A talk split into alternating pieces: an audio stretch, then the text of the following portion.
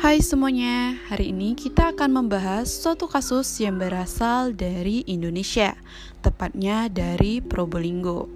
Nah, jadi kasus ini teman-teman terjadi pada tahun 1992 saat seorang anak kecil yang bernama Paridatul pergi mengaji ke musola di dekat rumahnya. Akan tetapi setelah malam tiba, Paridatul tak kunjung pulang ke rumah. Nah, karena hal tersebut, Orang tua dari para datul ini merasa sangat cemas dan khawatir, sehingga mereka pergi ke musola tempat paridatul mengaji. Akan tetapi, orang tua paridatul tidak menemukan paridatul.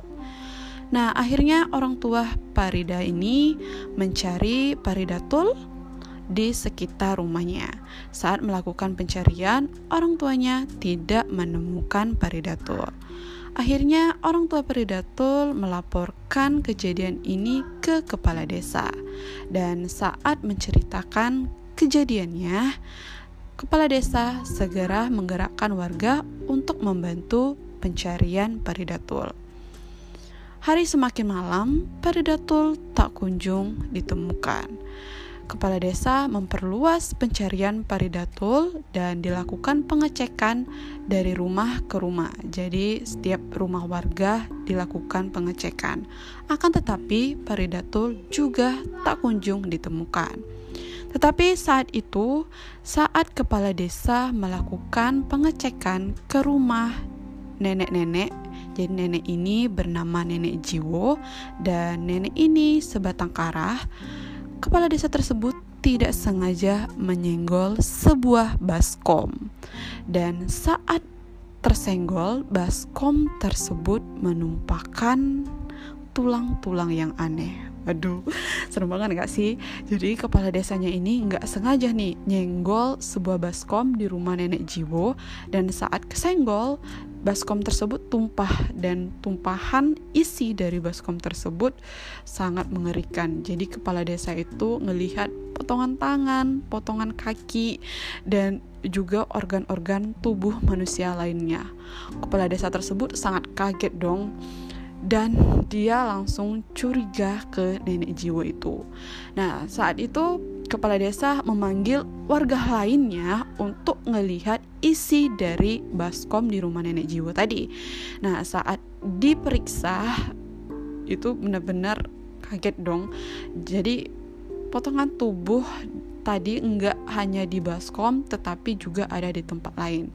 Dan saat dilihat itu ada baju anak kecil dan juga sepatu yang dipakai oleh Paridatul saat mengaji.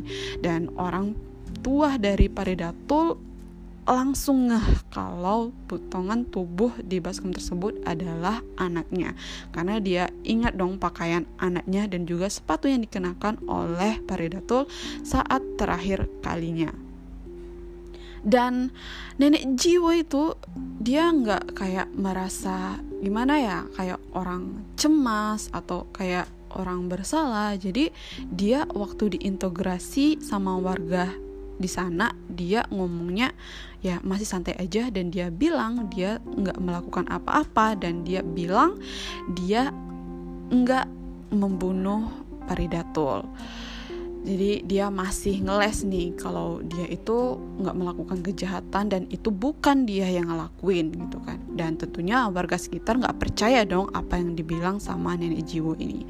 Dan yang mengagetkan lagi warga di sekitar nggak ngenyangka banget kalau nenek jiwo itu tega melakukan mutilasi terhadap anak kecil tersebut. Nah karena bukti-buktinya sudah kuat karena kedua orang tuanya tahu pakaian yang dipakai anaknya dan dan itu adalah potongan tubuh dari Faridatul.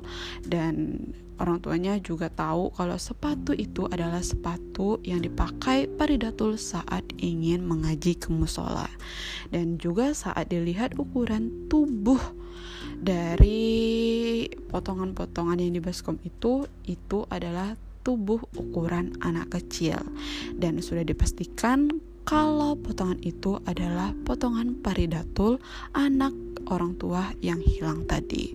Dan warga di sekitar seperti yang aku katakan tadi, mereka nggak nyangka banget dengan apa yang dilakukan oleh nenek Jiwo karena nenek Jiwo ini terkenal dia itu sangat baik, sangat ramah, sangat sopan dan juga akrab dengan anak-anak kecil di sekitar rumahnya. Dan nenek Jiwo ini juga sering banget ngasih makanan ke anak-anak yang sering bermain ke rumahnya. Dan anak-anak itu sering banget gitu kan main ke rumah nenek Jiwo dan nggak terjadi apa-apa. Kayak ya mereka selalu pulang gitu kan setelah main dari rumah nenek Jiwo itu. Dan kenapa pada saat ini nenek Jiwo tega melakukan pembunuhan dan yang lebih kejam lagi tubuh dari Paridatul ini dimutilasi menjadi 72 bagian. Nah, menurut informasi itu 72 bagian dipotongnya dan tubuh dari Paridatul ini dimasak dan dijadikan gulai. Waduh, kejam banget gak sih? Jadi setelah dimutilasi tubuh dari dari Paridatul ini oleh nenek Jiwo dijadikan gulai dipotong-potong dan dimakan. Waduh serem banget gak sih? Dan warga sekitar benar-benar gak nyangka sama kelakuan nenek Jiwo ini karena kan nenek Jiwo akrab banget sama anak-anak di sekitar. Dan kejadian ini baru terjadi gitu. Dan nenek Jiwo ini udah lama banget akrabnya sama anak-anak di sekitar rumahnya Nah, setelah itu polisi langsung menangkap nenek Jiwo dan setelah dilakukan pemeriksaan, si nenek Jiwo ini kena gangguan mental. Dan nenek Jiwo akhirnya mengakui perbuatannya dan dia bilang kalau ada bisikan, bisikan yang aneh yang terjadi kepada dirinya jadi bisikan itu menyuruh nenek Jiwo untuk melakukan pembunuhan kepada anak kecil. Jadi bisikan itu udah terjadi dari siang hari dan pada malam hari bisikan itu semakin kuat. Sehingga pada saat Paridatul lewat nih pulang ke rumahnya nenek Jiwo mengajak Paridatul untuk main ke rumahnya. Jadi Paridatul ini sebenarnya udah pulang dari sore hari. Dan nenek Paridatul dan nenek Jiwo mengajak Paridatul untuk main ke rumahnya. Jadi setelah Paridatul lama nih main ke rumah nenek Jiwo dan setelah hari mulai gelap nenek Jiwo melakukan pembunuhan kepada Paridatul Nah, teman-teman, setelah uh, nenek Jiwo ini ditangkap polisi dan kepolisian memeriksa nenek Jiwo, nenek Jiwo ini dinyatakan terkena gangguan jiwa. Dan yang lebih parah lagi teman-teman Ternyata nenek jiwa ini telah kena gangguan jiwa 20 tahun terakhir Nah jadi warga sekitar kayak nggak tahu kalau nenek jiwa ini ternyata sudah lama kena gangguan jiwa. Dan keluarga dari nenek Peridatul ini juga sempat mengurung dan mempasung nenek jiwa ini. Dan yang lebih parahnya lagi teman-teman Senin Ijiw ini ternyata masih sepupu gitu sama Paridatul dan masih ada hubungan kerabat keluarga. Dan dari keluarga Paridatul pun nggak tahu kalau nenek Ijiw ini ternyata kena gangguan kejiwaan tadi. Dan sebenarnya keluarga nenek dari Jiwa ini tahu kalau nenek Jiwa itu kena gangguan jiwa. Karena tadi kan nenek jiwa ini pernah dipasung, pernah dikurung, tetapi karena keadaannya semakin hari semakin baik dan nenek jiwa itu terlihat sopan dan terlihat baik-baik saja, nah mungkin keluarganya ngira kalau nenek jiwa ini sudah sembuh sehingga dia membiarkan nenek jiwa kayak hidup seperti biasa, seperti orang normal. Tapi ternyata gangguan jiwa nenek jiwa itu sembuh. Mungkin itu kumat kali ya waktu saat terjadi pembunuhan Paridatul ini.